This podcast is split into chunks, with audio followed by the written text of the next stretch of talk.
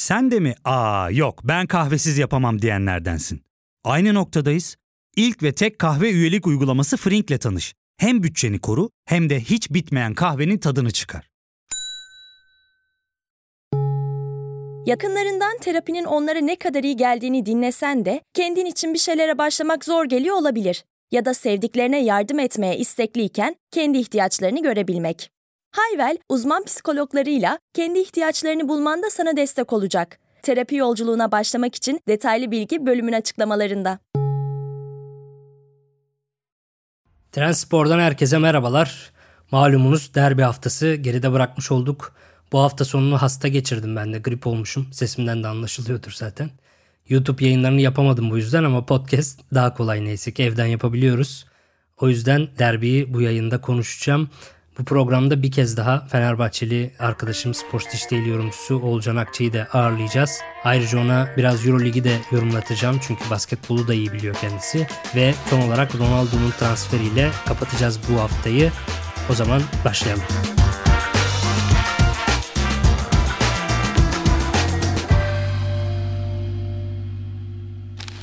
Şimdi Süper Lig'de haftanın özetiyle başlayalım her zaman yaptığımız gibi. Galatasaray 17 maçta 39 puanla liderliğini perçinledi. 4 puan fark açmış oldu. Fenerbahçe aynı maç sayısında ve 35 puanda kaldı. Başakşehir'in bir maçı eksik 31 puanı var. Adana Demirspor'da bir maç eksik ve 30 puanda ve bu podcast'in yayınlandığı saatlerde bu iki takım karşı karşıya gelecek. Başakşehir kazanırsa Fenerbahçe ile arasındaki puan farkını 1'e indirecek. Hatta hafta arasında son dakikada Gaziantep'ten golü yemeselerdi bu maçı kazanıp ikinci sıraya çıkma şansları vardı. Ve Fenerbahçe'yi üçüncü sıraya atma ihtimalleri olacaktı. Çok çarpıcı olurdu bu. Ve önümüzdeki haftada Fenerbahçe Gaziantep deplasmanına gidiyor. Erol Bulut'un Gaziantep'ine. Gelecek 5-6 haftalık fikstüre de baktığımda Fenerbahçe'nin deplasmanları ve daha zorlu maçları görünüyor Galatasaray'a göre. Galatasaray daha çok iç saha maç oynayacak ve bir de Icardi'si de döndü. Icardi'nin oynadığı maçlara damga vurma oranı inanılmaz şekilde gidiyor. Sadece 5 maça ilk 11'de başladı Icardi bu sezon Süper Lig'de ve bu 5 maçın 4'ünü silip süpürmüştü zaten. Ki bazen işte ilk 11 başlamasa bile olabiliyor yani bu maçta da girip skoru arttırarak maçı bitiren isim oldu. Beşiktaş ve Trabzon da kazandı bu hafta. 29'ar puanla 5. ve 6. sırayı paylaşıyorlar. Trabzonspor rahat kazandı ama Beşiktaş'ın şanslı olduğunu söylemek lazım. Kasımpaşa en az beraberliği hak etmişti. Orada bir kaleci farkı ve santrfor farkıyla Beşiktaş kazanmış oldu. Ve şimdi derbiye geçelim. Önce ben yorumlarımı yapacağım. Sonra da Oğulcan'ı bağlayıp onunla da Fenerbahçe tarafını konuşacağız. İlk olarak ilk 11'lerden başlayalım. Jorge Jesus'un üçlü savunma tercihi tahmin ettiğimiz bir şeydi. Büyük maçların hemen hepsinde üçlü savunma oynuyordu ama bu büyük maçlardan ne kadar istediği sonuçları alabiliyordu o şüpheli. Hatta alamıyordu diyebiliriz kısaca. Avrupa Ligi'nde daha çok aldı bu sonuçları ama son Trabzon bu Galatasaray maçları falan pek istediği gibi olmuyor üçlü savunma ama ondan vazgeçmedi. Ve bir gün önceden biliyorsunuz Galatasaray'ın ilk 11'i biraz sızmış gibi oldu. Twitter'da İbrahim Büyükak Galatasaray'ın son ilk 11'ini paylaştı ve bunun üzerine de aslında Dubois'un sol bek oynayacağı öğrenilmiş oldu bir şekilde ve Jorge Jesus da onun olduğu tarafa Osayi'nin önüne İrfan Can koymak yerine bir de çabuk bir oyuncu daha Rossi'yi koydu ve hemen orayı işlemeye çalıştığını gördük. Hemen daha ilk 3 dakikada falan. Hatta Okan Hoca bir korner dönüşünde boyu orada biraz bıraktı 2-3 dakika. Acaba Dubois'u sağ beke çekip Saşa boyu sol beke mi çekti diye düşünmüştüm. Ama hemen ardından tekrar beklerin yeri değişti ve maçın başında açıkçası ben Bright Osei Samuel'in müthiş hızı ve Rossi'nin de çabukluğu ve hareketliliğiyle Dubois'un fizik eksikliklerini biraz Fenerbahçe'nin kullanabileceğini ve Rossi'nin de çok etkili olabileceğini düşünmüştüm. Düşündüğüm kadar olmadı ama Fenerbahçe'nin en etkili pozisyonları maç boyunca yakaladı. Hep sağ tarafından gelen pozisyonlar. Hatta bir tanesinde Rossi, Bright Osayi Samuel'e çok iyi çıkarıyor. Osayi Samuel çaprazdan Muslera'nın üzerine vurdu önü boşken. O en net pozisyonuydu Fenerbahçe'nin. Ve bir de yine sağ çaprazdan sıfıra inildi. Oradan dışarıya çıkılan topu Aroa vurdu ve Muslera ardarda iki hamleyle önce kurtarışı yaptı. Seken topu da tekrar çabuk bir şekilde yatarak aldı. O pozisyon da etkiliydi. O pozisyonlar hep Dubois tarafından geldi tabii ki onun oynadığı pozisyon olmadığı için iyi bir iş çıkardı denilebilir. Ama Fenerbahçe ağırlıklı olarak orayı işlemeye çalıştı ve bence idare etti. Şimdi Dubois için çok iyi oynadı diye söyleyen Galatasaraylı arkadaşlarım da oldu ama bence çok iyi oynamadı. Takım zaten iyiydi. Dubois da idare etti diyebiliriz. Fizik olarak hala daha iyi seviyeye gelmesi lazım Dubois'ın. Birkaç pozisyonda ağır kaldığı için kademeye yetişemediği falan oldu. Mesela Soşa boyun dominantlığıyla arada çok büyük fark var. Ama tabii akıllı bir oyuncu olduğu için pozisyon kaybetmiyor. Pozisyon kaybetmediği için çok hata yapmıyor ama yine de pasif bir oyun sergiliyor. Pasif olduğu zaman da rakipler o tarafı daha çok daha yoğun kullanabiliyor. O pasifliği biraz daha aktif hale çevirmesi lazım bence. Bence ilk yarıda Fenerbahçe daha sıkıntılıydı üçlü oynarken. Ama çok Jesus maç sonu açıklamasında öyle demedi. İlk yarıda iki takımın da dengeli bir oyun sergilediği göze çarptı. Hem Fenerbahçe takımı hem Galatasaray takımı bazı pozisyonlar üretti. Fenerbahçe'nin üretmiş olduğu pozisyonlar daha netti fakat devreye 1-0 geride girdik. Ben buna pek katılamadım. Aksine bence ikinci devrede 45-75 arası Fenerbahçe skoru dengelemeye daha yakındı. Oyunu dengelemişlerdi ve pozisyonlar bulmuşlardı. O bahsettiğim Bright Osay Samuel pozisyonu tam işte o 65'lerdeydi. Ve o arada Joshua King de bireysel gücüyle zorladı. Onun dışında da King dışında da zaten Fenerbahçe'de öyle çok etkili bir isim yoktu. Yine Ferdi elinden geleni yaptı ama Ferdi ile böyle verkaçlara girebilecek, onun etkinliğini kullanabilecek bir isim de yoktu.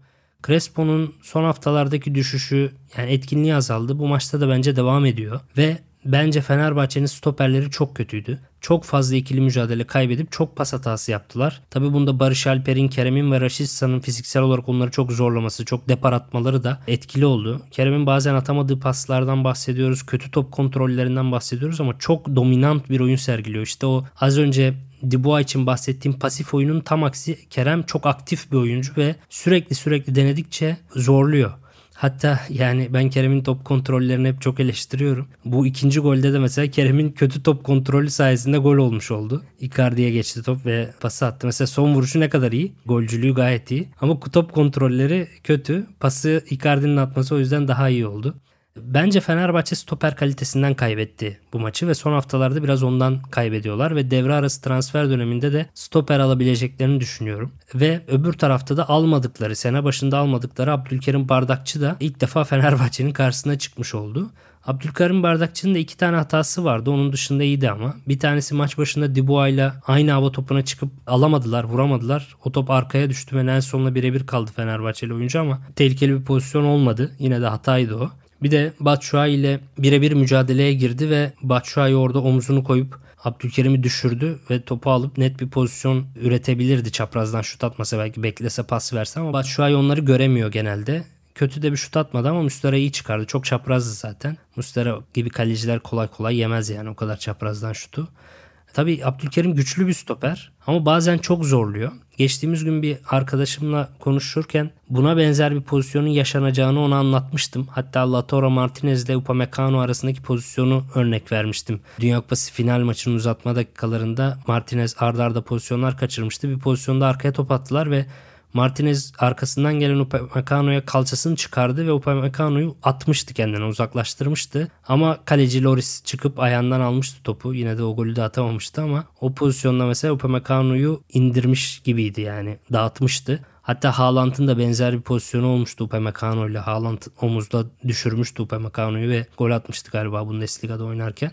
Yani bu tip bazı stoperler gücüne çok fazla güveniyor. İşte Chelsea'li Koulibaly de öyle yapıyor. Upamecano da öyle yapıyor. Ve kendileri kadar güçlü olmasa bile bazen güçlü olduklarında da sorun yaşıyor. İşte Haaland örneği, Batshuayi örneği. Güçlü olmasa bile bazen böyle Lautaro Martinez tipi akıllı ve kalçasını çok iyi kullanan santrforlara karşı da problem olabiliyor bu dengeyi kuran santrforlara karşı. Her topa da atlamamak gerekiyor. Bazen beklemek gerekiyor. Mesela bu pozisyonda biraz beklemesi lazım. Çapraz, kaleye çok uzak, sıfıra doğru inilmiş. Orada o ikili mücadeleye girmeye hiç gerek yok. Her seferinde gücünü kullanmak ve her seferinde ezmeye çalışmak her zaman doğru, her santrfor için doğru olmayabiliyor. Yeri geldiği zaman beklemek lazım. İşte mesela Nelson onu çok daha iyi biliyor birebir mücadelelerde. Nelson da güçlü bir stoper ama sürekli Abdülkerim kadar ısrarla sadece gücüyle oynamaya çalışmıyor mesela. Bu pozisyon bence önemli Abdülkerim için. Mutlaka o pozisyona dikkat etmeli. Umarım dinler beni. Sonra Abdülkerim'in maç sonunda bir hareketi var. Ferdi'ye yaptı. Bence o yanlış bir hareket oldu. Çünkü Ferdi orada art niyetli bir şey yapmıyor. Kayıyor topu alır bilirim belki diye ama faal yapıyor. Ama orada kasıt yoktu kesinlikle. Ve Abdülkerim orada çok gereksiz bir tepki gösterdi. Burada bir eleştiri olsun. Ama aynı maçtaki Fenerbahçe stoperleriyle kıyasladığımız zaman Gustavo ile Serdar Aziz ile kıyasladığımız zaman Abdülkerim Bardakçı'nın çok daha iyi olduğunu görüyoruz ki ben iki senedir neredeyse bütün yayınlarımda Süper Lig'de sadece bir tane iyi stoper olduğunu Anadolu takımlarında onu da Abdülkerim olduğunu hep söylüyordum. Geçen sene altın 11'e yazıyordum. Çok iyi bir sezon geçirmişti Konya'da da. Çok iyi iki sezon geçirmişti ve bağıra bağıra geliyordu ve bunu Galatasaray'ın yönetimi yokken, teknik direktörü yokken Fenerbahçe ve Beşiktaş gibi iki tane takımın görmemesi, almaması hatta Trabzon'da dahil gerçekten akıl tutulması ve Türkiye'deki scouting'in ne kadar hatalı olduğunu ve her transferin nedense yurt dışında arandığını çok güzel özetliyor. Maalesef kendi futbolcularımızı çok aşağıda görüyoruz ve burada da açıkçası kendi elleriyle Abdülkerim'i Galatasaray'a teslim etti. Beşiktaş ve Fenerbahçe. Beşiktaş 1,5 milyon euroya Emre Can Uzunan'ı aldı mesela. Çocuğun 2 tane 3 tane maçı yok. Fenerbahçe Gustavo'yu aldı. Üstüne şimdi Samet'te 4 milyon euro vermek zorunda kalıyorlar işte muhabirlerin söylediğine göre. Bunlar gerçekten çarpıcı ve iki takım arasındaki stoper farkı yani Nelson Abdülkerim'le Fenerbahçe'nin Gustavo Serdar Aziz arasındaki fark gerçekten çok çok yüksek bir fark vardı bunların arasında.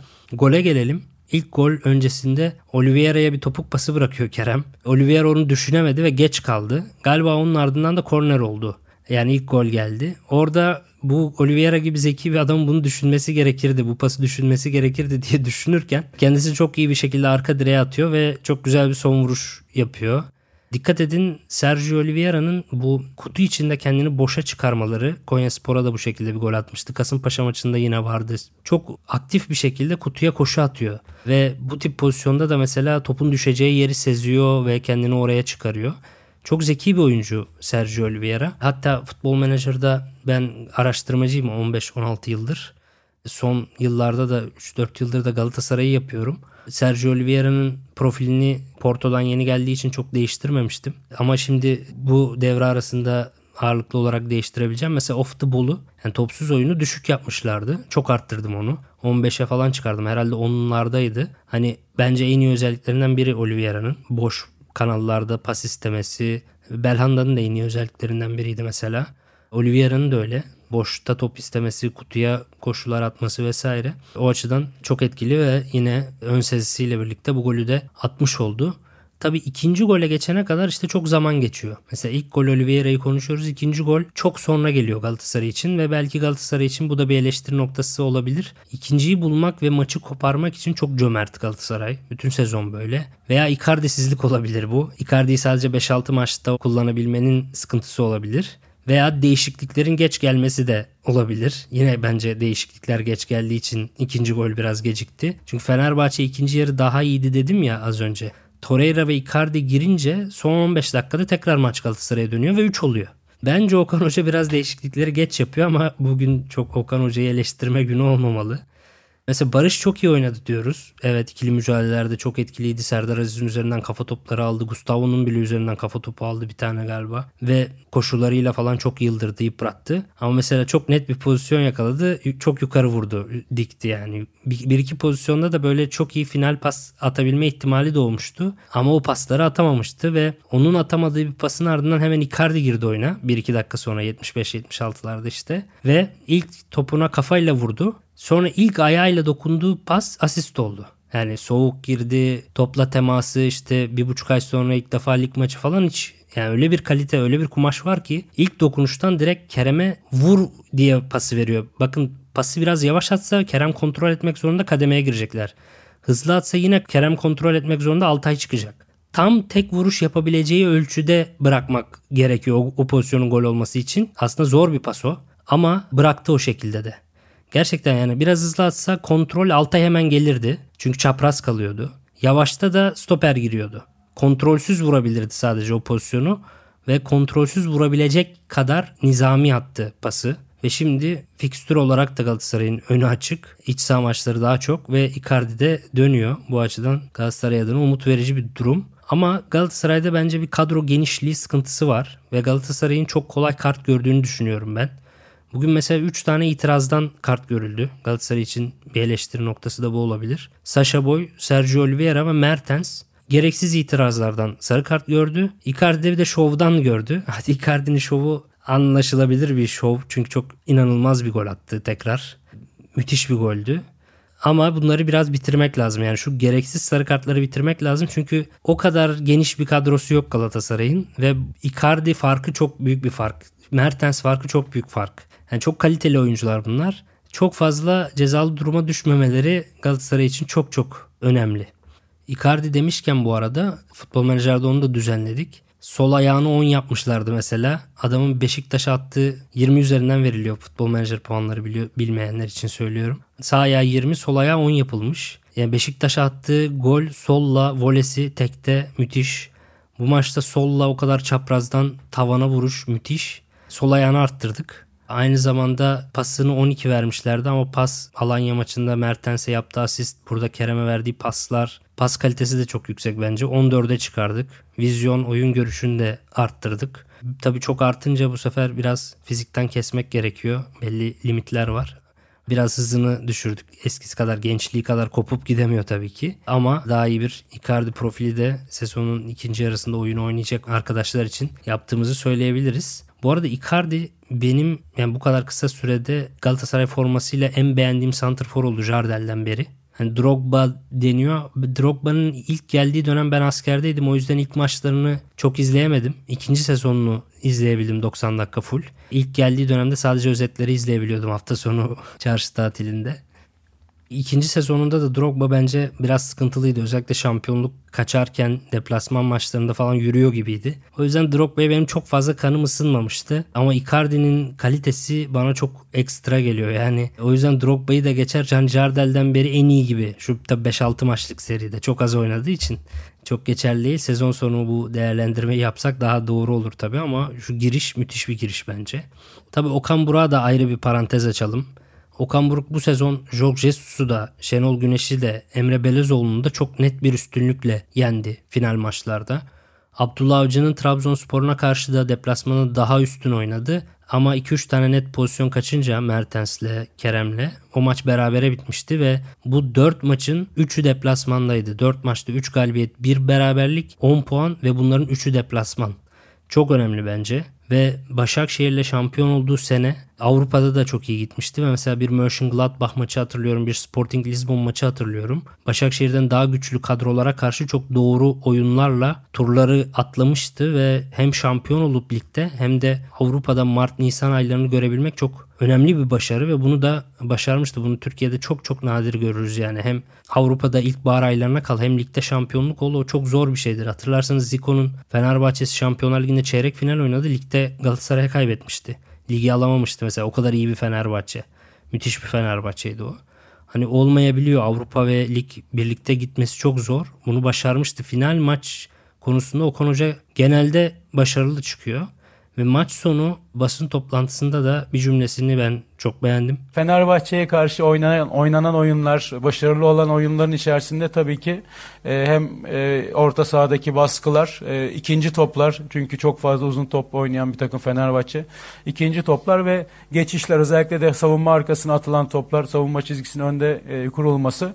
Yani bu bana özel bir şey değil. Bütün takımlar bunu deniyor. Aslında yani çok büyük farklar yok. Burada kalite önem kazanıyor. Şimdi buradaki yaklaşım bence çok doğru. Çünkü böyle önemli zaferlerden sonra galibiyeti üzerine almak o kadar iyi bir fikir olmayabiliyor. Eğer çok büyük bir teknik direktör değilsen yani çok büyük derken çok başarılı, çok kazanmış çok kabul görmüş bir teknik direktör değilsen daha yeni başlayan genç bir teknik direktörsen veya Galatasaray'da yeni diyebiliriz Böyle bir teknik direktör için çok egolu davranmamak lazım ve böyle başarıları futbolculara vermek lazım. Yani herkes Fenerbahçe'ye bunu deniyordu ama bizim oyuncularımız daha başka kaliteli demek çok daha doğru bir yaklaşım. Hatırlarsanız Trabzonspor Fenerbahçe'yi kendisi aslında yendiği zaman Trabzonspor e, Twitter hesabından bir video paylaşmıştı ve Abdullah Hoca'nın işte nasıl şahmat ettiğini, Jorge Jesus'u nasıl devirdiğini anlatan bir video viral olmuştu. Onu tabi Abdullah Avcı benim için bunu yapın dememiştir ama orada futbol futbolcuların çok taça atıldığını ve teknik direktörün çok yüceltildiğini görüyoruz. Ben hangi teknik direktörle konuşsam futbolcuların cin gibi olduğunu söyler. Çok kurnaz olduğunu söyler ve futbolcuları küçümseyip kendini ön plana çıkaran teknik direktörlerin altının oyulmaya başlandığından bahsederler. Bunun Nuri Şahin'de de yaşandığını düşünüyorum ben. Bazı teknik direktörlerden, sohbetlerimden onlar da söylemişti. Hatırlarsanız Antalya Spor geçen sene çok iyiydi. Nuri Şahin de çeşitli YouTube kanallarına çıkıyordu ve başarısını anlatıyordu. Ama bu sene çok farklı oldu. Biraz daha oyuncular geri planda kalınca bazı sıkıntılar olabiliyor. Bence Okan Hoca'nın o yüzden bu yaklaşımı da daha pragmatist bir yaklaşım. Faydacı olmak lazım böyle konularda. Yoksa faydacı olmayınca bir sonraki hafta Karagümrük Trabzonspor'a 4 attı biliyorsunuz. Başka türlü gelişebiliyor olaylar. Rehavet de olabiliyor. Futbolcular iyi peki hoca o zaman alsın maçı gibi de yaklaşabiliyor. Tabi bu yani benim söylemim değil daha çok sahanın içinden gelenlerle yaptığımız konuşmalardaki insanların off the record söylediği şeyler bunlar. Teknik direktörlerle, futbolcularla konuştuğum zaman bu tarz şeylerin olabildiğini söylemişlerdi bana. Ha ben tabii işin içinde olmadığım için garip geliyor. Ben öyle bir davranışta bulunmazdım mesela. Ama futbolcular çok egolu olabiliyor ve bu tip şeyler yaşanabiliyor. Okan Hoca da buna göre iyi bir reaksiyon vermiş diye düşünüyorum açıkçası. Son olarak komik bir detay. Türkiye Futbol Federasyonu yedek kulübelerinde televizyon olursa ceza olacak demişti. Okan Hoca da tabletine ayaklık takmış. o şekilde izliyordu. o da komik bir detaydı. Şimdi Oğulcan'a geçeceğiz ama onun öncesinde son bir istatistikle geçelim Oğulcan'a. Bülent Kalafat'la maç sonunda konuştuk sevgili arkadaşım. Bir istatistik gönderdi bana. İlk haftalardan bu haftaya kadar Galatasaray'ın her hafta neredeyse yakaladığı XG ortalamasını yukarı doğru ivmelendirerek arttırdığını gösteriyor bu istatistik. Sezona vasat giriyor Galatasaray ama hemen hemen her hafta daha üretken olmayı beceren bir Galatasaray görüyoruz ve transferler de geç geldiği için ve hem ilk hafta maçları ağırlıklı olarak deplasman olduğu için çok daha normal değil bence. Öte yandan Fenerbahçe ise çok daha yüksek XG'lerle başlıyor sezona. Ama haftadan haftaya da düşüş görüyoruz. İlk 2-3 hafta normal bir giriş yapıyor Fenerbahçe ama sonra çok iyi açılıyor ve 10. haftalara kadar çok iyi gidiyor. 10. haftadan sonra ise Fenerbahçe XG'de Galatasaray'ın arkasına düşmeye başlıyor. 10. haftadan itibaren Fenerbahçe'nin düşüşü gerçekten çok dramatik XG üretmede. Özellikle son 5 haftada çok düştüğünü görüyoruz. Galatasaray'ın ise tam tersine 10. haftadan sonra pozisyon üretmede çok ciddi bir yükselişe geçtiğini görüyoruz bu istatistikte. Bu çok çarpıcı. Olcan'a bunu sorarak başlayacağım. Burada küçük bir ara veriyoruz. Ardından Olcan Akçe ile devam edeceğiz. Ya fark ettin mi? Biz en çok kahveye para harcıyoruz.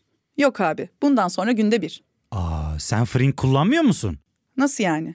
Yani kahvenden kısmına gerek yok.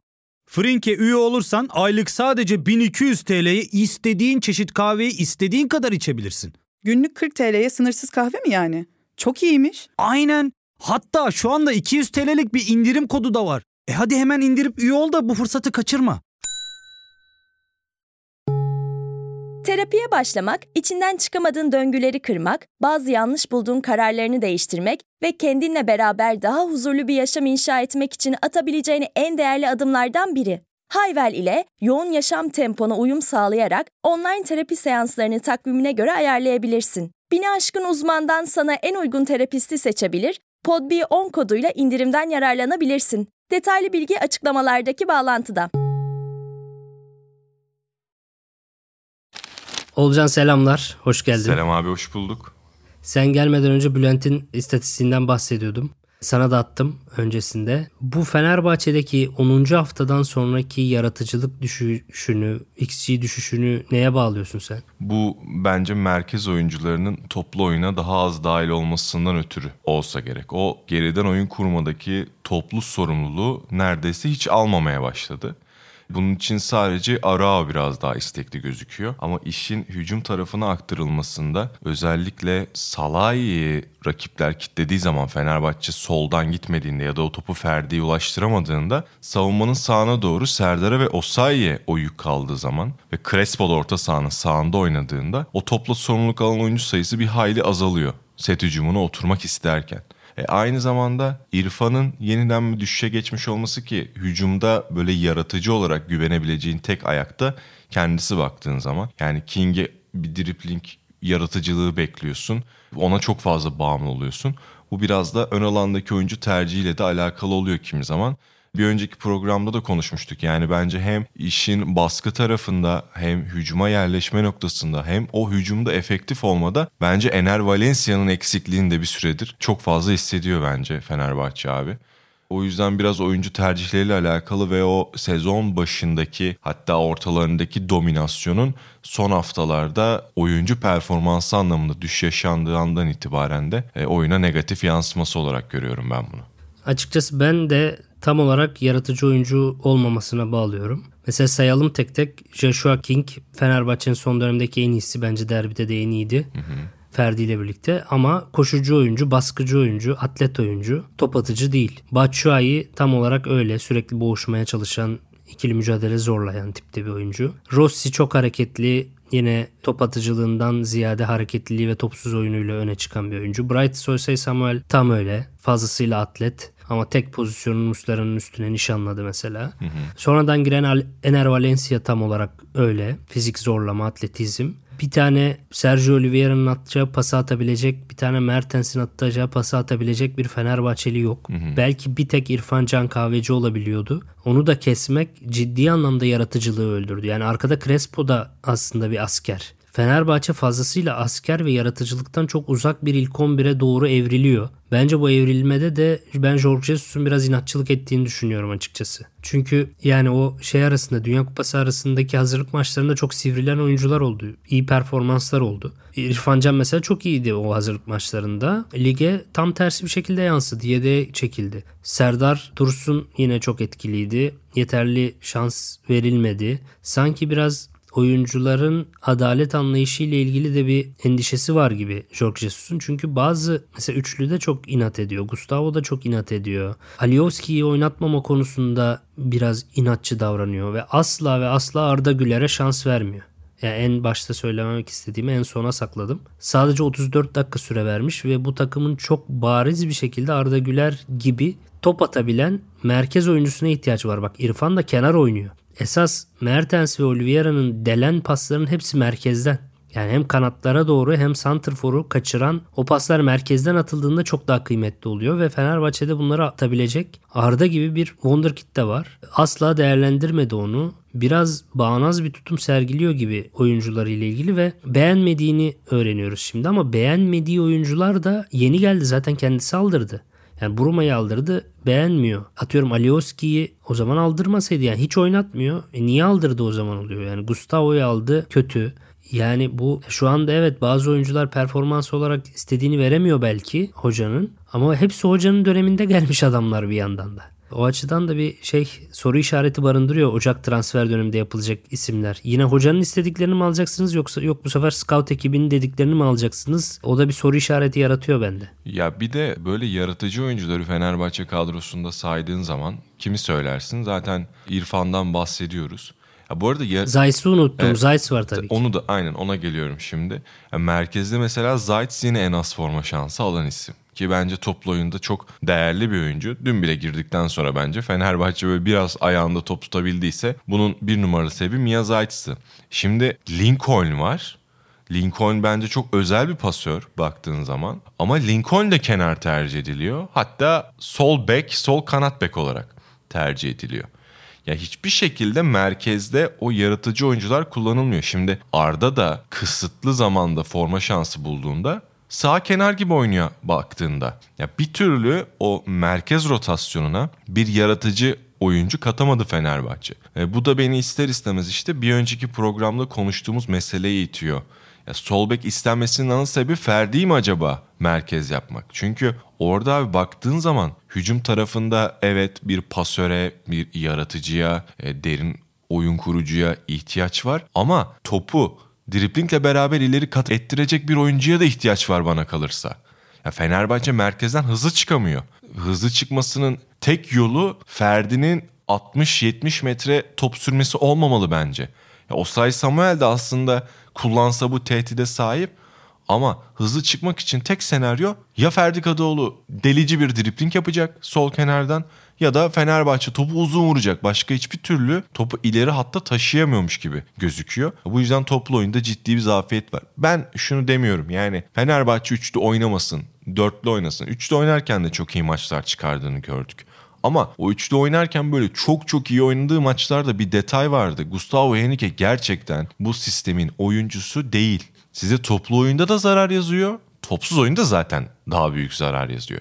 Yani normalde üçlünün ortasındaki stoperin süpürücü, e, sağ ve sol stoperin topla çıktığında arkada kalan ve onların açıklarını kapatan Kim bahsediyoruz aslında burada. Oyuncu olması gerekirken dünya futbolunun her yerinde bu böyle. Siz oraya yeryüzünde bulabileceğiniz en yavaş, en çeviklikten bir haber oyuncuyu koyduğunuzda sizi delik deşik ediyorlar.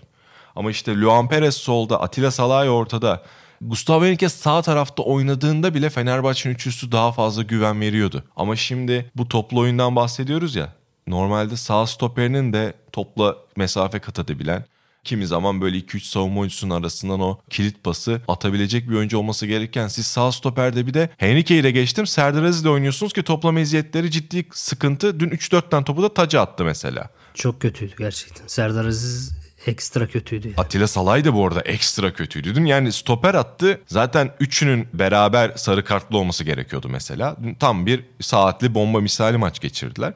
Ya o yaratıcılık eksikliği arkadan itibaren başlıyor aslında baktığında. Hızla ilgili bir pozisyon geldi aklıma sen Gustavo'yu söyleyince. Sasha Boy'la Gustavo bir to- aynı topa hareketlendiler ya bir tane sol evet. taç çizgisinin orada. Evet. Sasha Boy böyle 20 metre daha geriden gelip topu vurup devam ettirdi hatta ama ilk yarın sonuydu galiba. Kötü bir orta yapmıştı. Evet. Etkili olamamıştı ama yani o pozisyon hani aynı ligin iki oyuncusu demezsin yani. Çok fark var. Bir de bu iki takım şampiyonluk mücadelesi veriyor.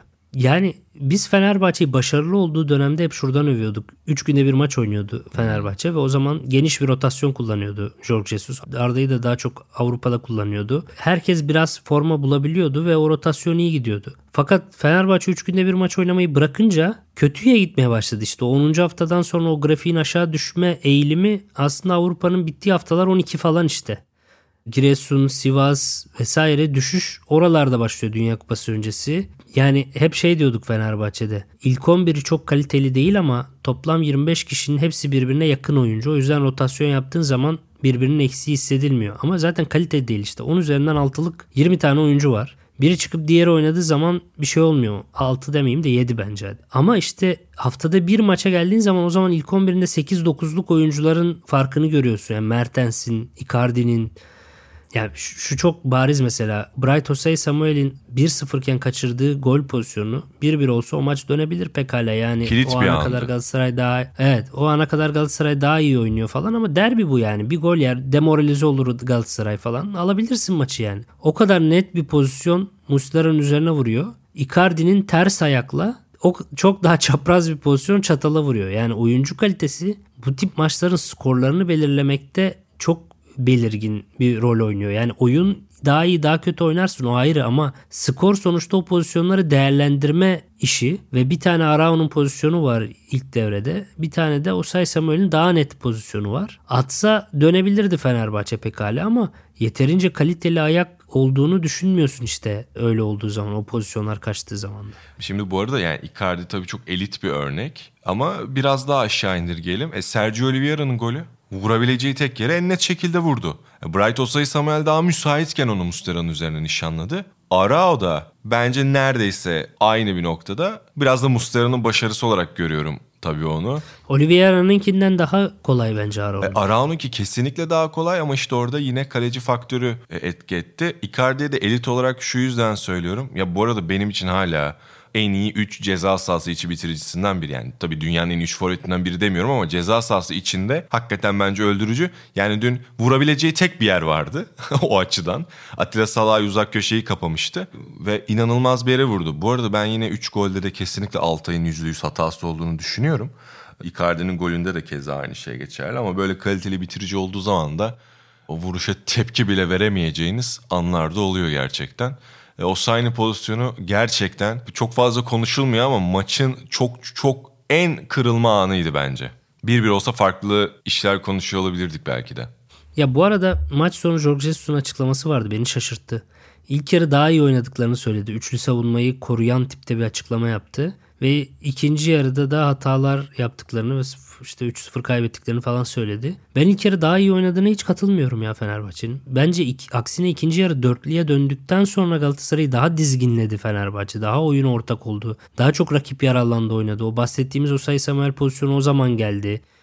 Bence Okan Hoca da geç kaldı değişikliklerde ve 45-75 arası biraz daha ortadaydı maç yani. Ama Torreira'lar, Icardi'ler girince 75'ten sonra full Galatasaray aldı götürdü zaten kalite artışıyla ama bilmiyorum Jesus'un söylemi için ne dersin? Ben dörtlüye döndükten sonraki Fenerbahçe'yi 20-25 dakika çok daha fazla beğendim ilk yarıdaki oyuna göre. Ben de öyle. İkinci yani ilk yarı bence Fenerbahçe top oynamadı. Öyle değerlendirebileceğimiz bir şey yok.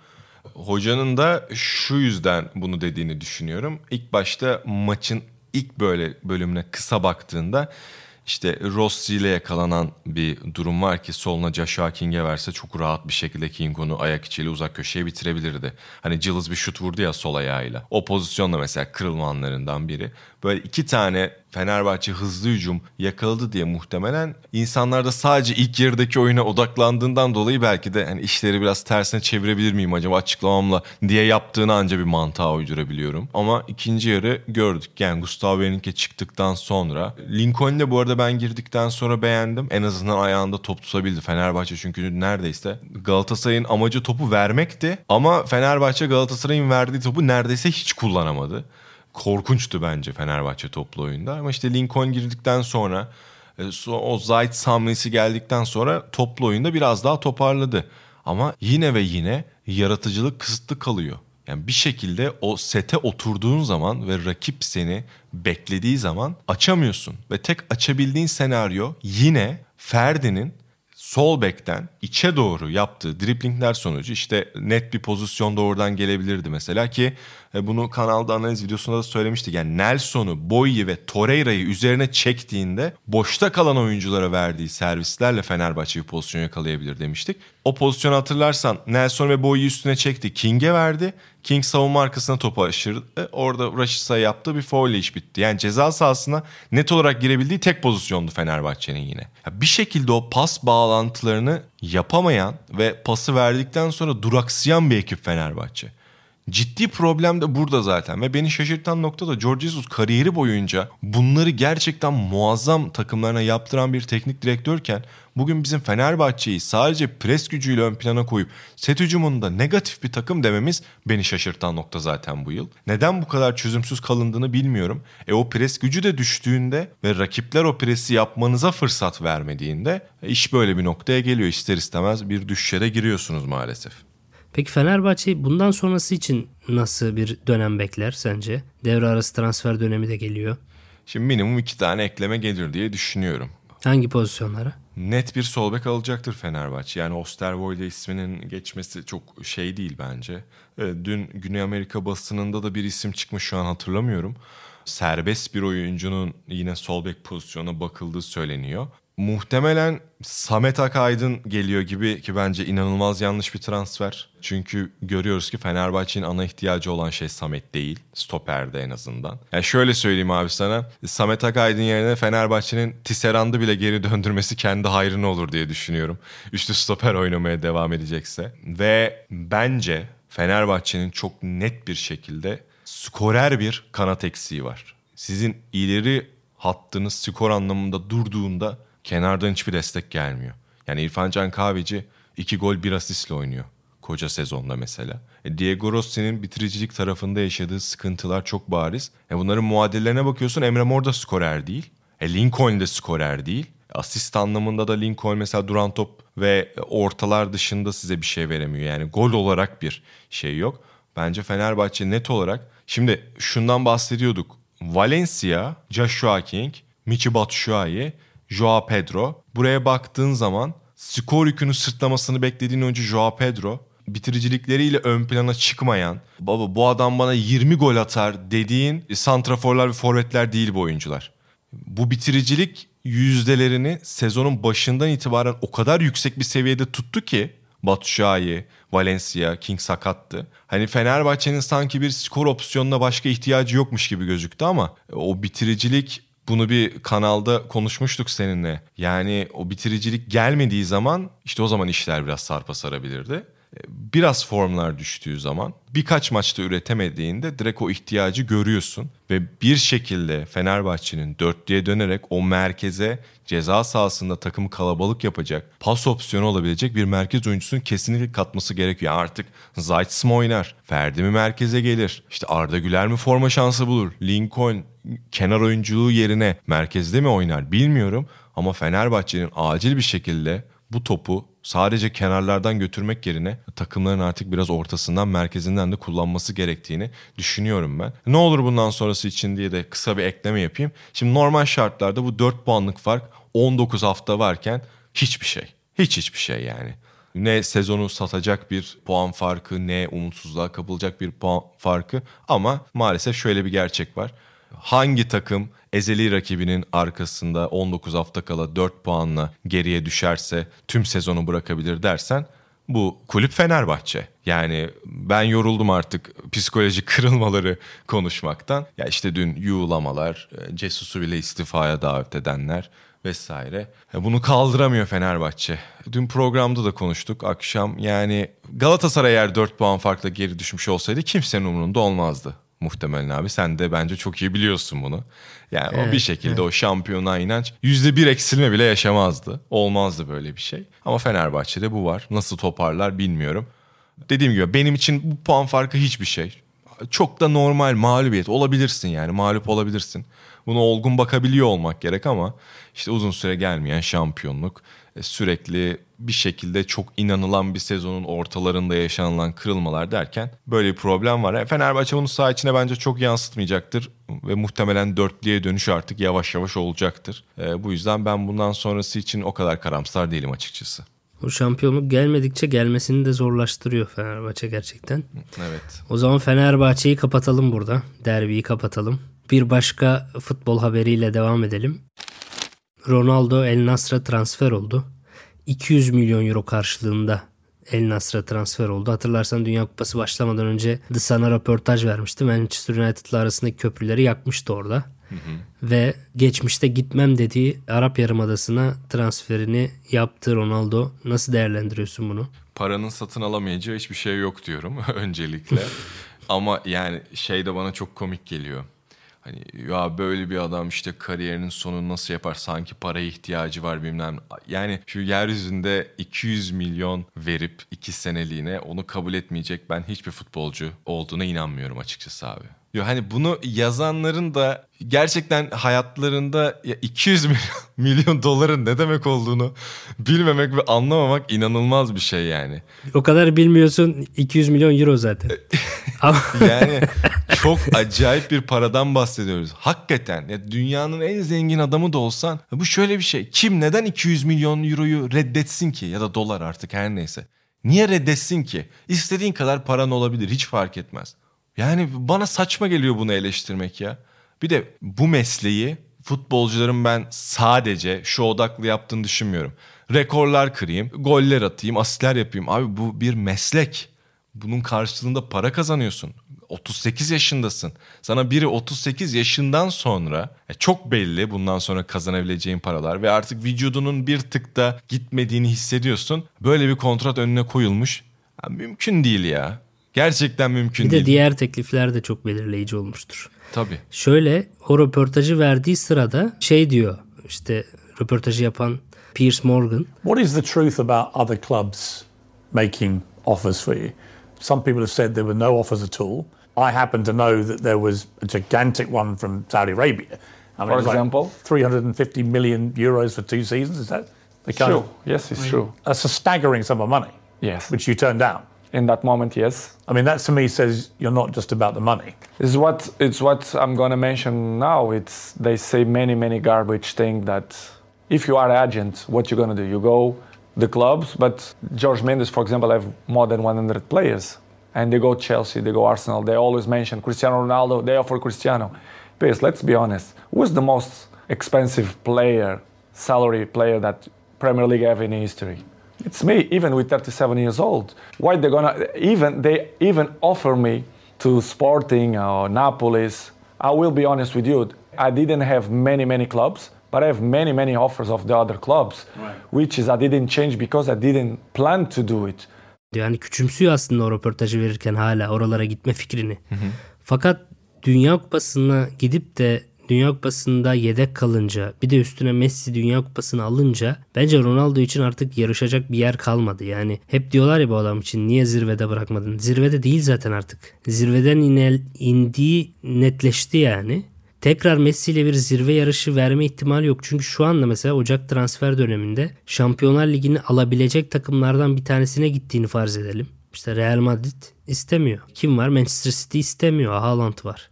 E kimse Ronaldo istemiyor ki. Kaldı ki Şampiyonlar Ligi şampiyonu olabilecek bir takıma transfer olsa bile ilk 11 oynama ihtimali yok. Yani şu anda Messi ile yarışabilme ihtimali yok tekrar. Yani tekrar işte Şampiyonlar Ligi şampiyonu olayım da tekrar adımı duyur. Öyle bir ihtimal yok yani. Şampiyonlar Ligi şampiyonu olan bir takımda yer alsa bile yedek oyuncu olarak falan yer alacak. O yüzden artık bir şeyi kalmadı zaten.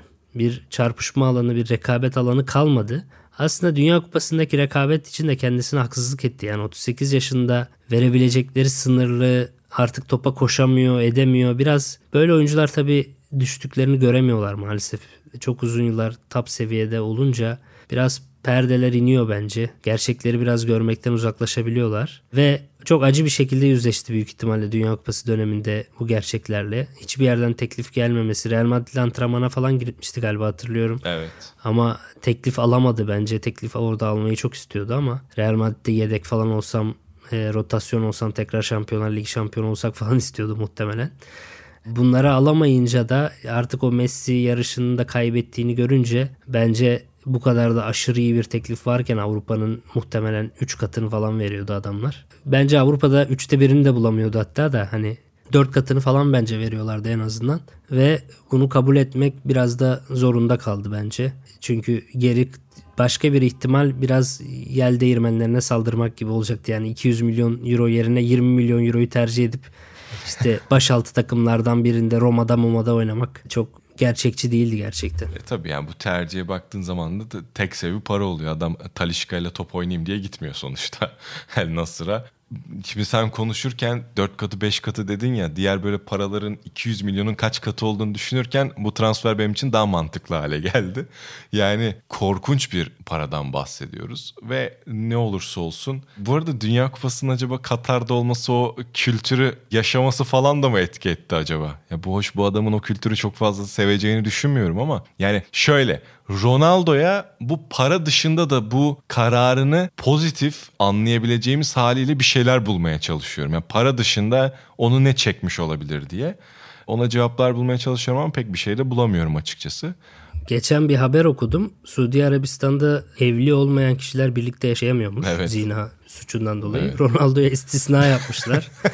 yani Ronaldo zaten adası falan var biliyorsun. Kral gibi yaşamayı seviyor. Evet. Suudi Arabistan'da da öyle krallıkta yaşamak hoşuna gider bence Ronaldo'nun ya. O kadar kültür olarak geride kalmaz yani. Bence bir problem olmaz yani Ronaldo için. Olcan son olarak seni yakalamışken Euroleague'de sormak istiyorum sana. Euroleague'de iki takım da iki temsilcimiz de biraz sıkıntılı bir dönemden geçiyor. Fenerbahçe Beko Aralık ayı itibariyle oynadığı 7 maçın 6'sını kaybetti. Bayağı serbest düşüşe geçmiş oldu. Bu süreye lider girmişti Fenerbahçe ama şu anda 6. sıraya geriledi. Sana soruyorum. Fenerbahçe Beko'nun Aralık itibariyle yaşadığı düşüşün sebebi nedir? İtüdis kaynaklı mıdır problem yoksa sakatlıklar mı Fenerbahçe'yi bu hale getirdi? E, sakatlıklar tabii ki bir etken. Çünkü elinizdeki sezon başında o kadro planlamasını yaptığınız zaman skorer olarak bir numaralı güvenciniz Scottie Wilbeck'in sakat olarak oynuyor. Uzun rotasyonundaki bence tek ve en kaliteli oyuncunuz Motley sakatlanıyor. İkisi beraber ki arada böyle birkaç tane de sakatlığından dolayı maç kaçıran oyuncular da oldu. Yani ana ilk beşinizin iki tane parçası ve işin savunma tarafı, rebound tarafı ve sayı tarafındaki en önemli oyuncularınız eksik olduğunda bu ister istemez negatif olarak yansıyabilir. He, son dönemde Motley ve Wilbeck'in döndü ama o sakatlıklardan dönüşlerinde de Motley yine bir şekilde iyi döndü ama mesela Wilbeck'in gerçekten e, çok kötü döndü sakatlıktan. Ve tabii zaman geçtikçe Fenerbahçe kadrosunun eksikleri de göze batmaya ve sezon ilerledikçe, maç ritmi arttıkça bu eksiklikler gün yüzüne çıkıyor. Şimdi Aslında abi futbol tarafındaki şey var Fenerbahçe takımında. O ilk Euroleague başlangıcındaki muazzam gidişatta da bu vardı. Fenerbahçe'de ayrı ayrı çok değerli parçalar var. Ama o parçaları bir bütün haline getirebilecek bir iki tane böyle üst düzey e, oyuncu yok. Yani Efes'ten örnek verirsem işte bir Misic, bir Larkin, bir Clyburn yok. Şimdi Efes'e bakıyorsun Micic seti kullanamazsa Larkin kullanıyor. Larkin kullanamazsa Clyburn kullanıyor. Clyburn'dan sonra gelen parça Boboa bile bir şekilde oyuna kalite yapabilen ve o maça ağırlığını koyabilen isimler ama Fenerbahçe'de bu yok. E Motley tek uzun olarak girdi diyoruz. Yani onu yedekleyen Tonya Cekeri tamamen alakasız Motley ile bir oyuncu. İşin rebound ve e, hücum tarafında öyle çok aktif değil. Ve o tek olarak kadro planlamasını parça olarak kullandığınız oyuncular sakatlandığı zaman o puzzle tamamen dağılıyor. Ama Fenerbahçe'nin eksikleri gerçekten çok bariz. Şimdi Tyler Dorsey hamlesini Fenerbahçe çok bekliyordu ama NBA G League'den bir kontrat aldı. Ve Fenerbahçe'nin çok ciddi bir şekilde top yönlendiriciye de ihtiyacı var. Nick Calates 33 yaşında bu maç temposunu bir noktadan sonra kaldıramayacak bir isim olabilir. Bunu herkes biliyordu. Ve Kalates oyundan çıktığında Fenerbahçe top yönlendiriciliği kısmına, gat rotasyonuna Marco Guduric'i kullanmak zorunda kalıyor ki Guduric'in de bununla tamamen alakası olmayan bir oyuncu. Zaten kaybedilen maçlara baktığında top kaybını en çok yapan, e, takımın setlerini senkronize edemeyen, takımı yönetemeyen oyuncu Marco Guduric oluyor ve bunu tamamen bunun üzerinden okumaya başlıyoruz. Yine eksiklerin çok bariz olduğu ama bu eksiklerin tamamlanmadığı bir süreçte Fenerbahçe Beko. Ve mağlubiyetler geldikçe o psikolojik kırılma basketbol şubesinde de yine fazla oluyor. İşte maça gitmemeler başlıyor takım üzerindeki oyuncu grubunun motivasyonu düşüyor. Ki Dimitris Ituidis de sezon başındaki formunun bence biraz gerisinde. E, sonuçta teknik adamların da formsuz dönemleri oluyor. Ituidis'te de aynı şey geçerli. Ben rotasyonu doğru kullanabildiğini düşünmüyorum. Rotasyonu abarttığını düşünüyorum. Yani bazı oyuncuların gerçekten Fenerbahçe Beko'da 10-15 dakika üzeri hiç süre almaması gerekirken Fenerbahçe'de böyle olan çok fazla oyuncu var. E, bu yine bir süreç. Yani Fenerbahçe bugün 6.lığa düşmüş olabilir ama hala üstündeki bütün takımlar takımlarla arasında bir galibiyet fark var.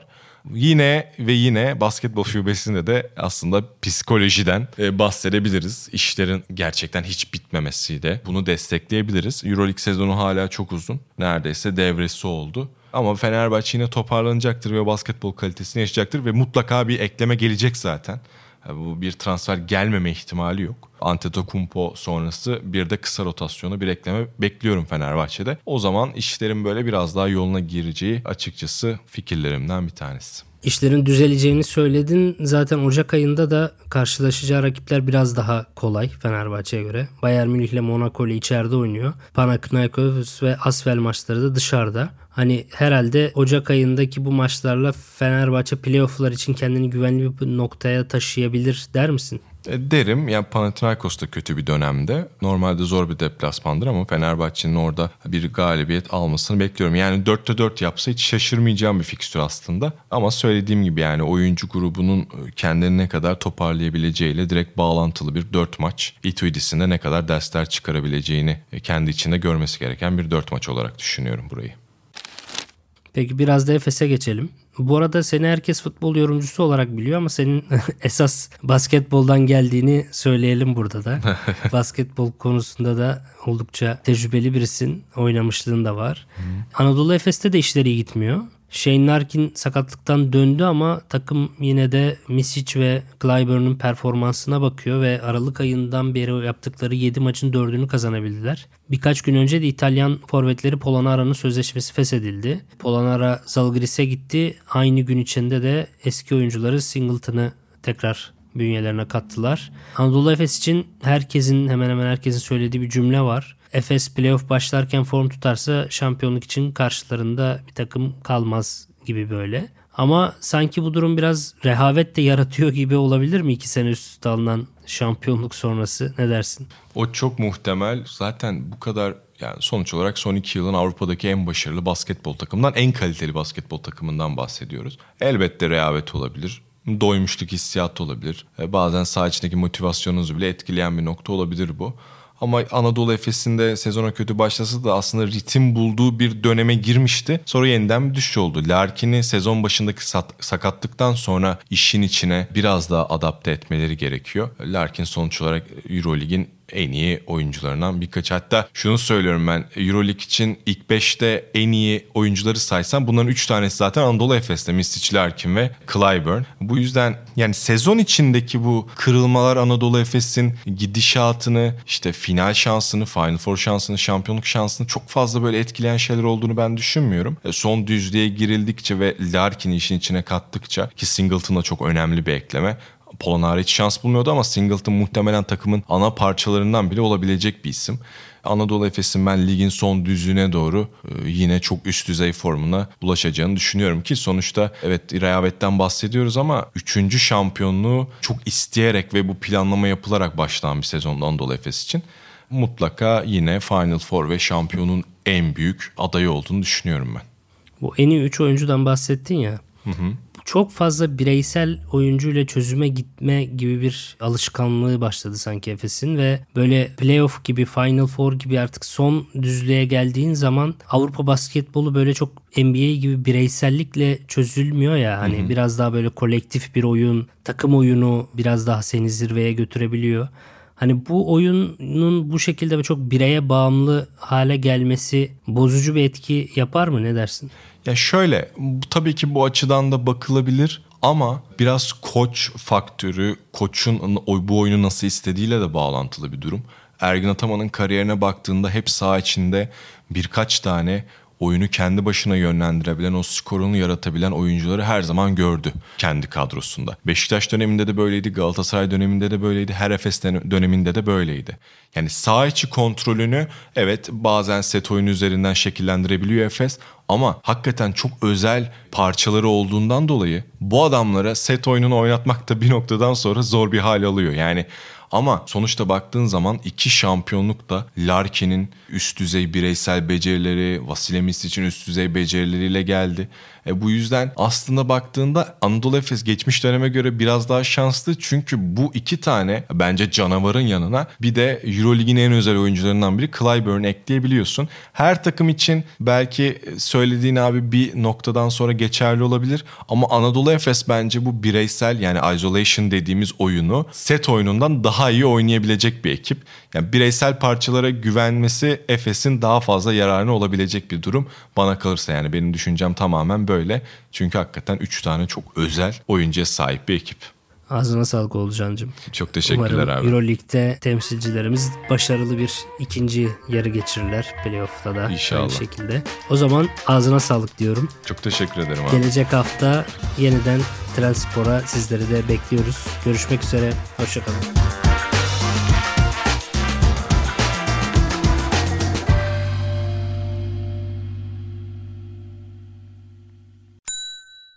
İlk ve tek kahve üyelik uygulaması Frink, 46 ildeki 500'den fazla noktada seni bekliyor.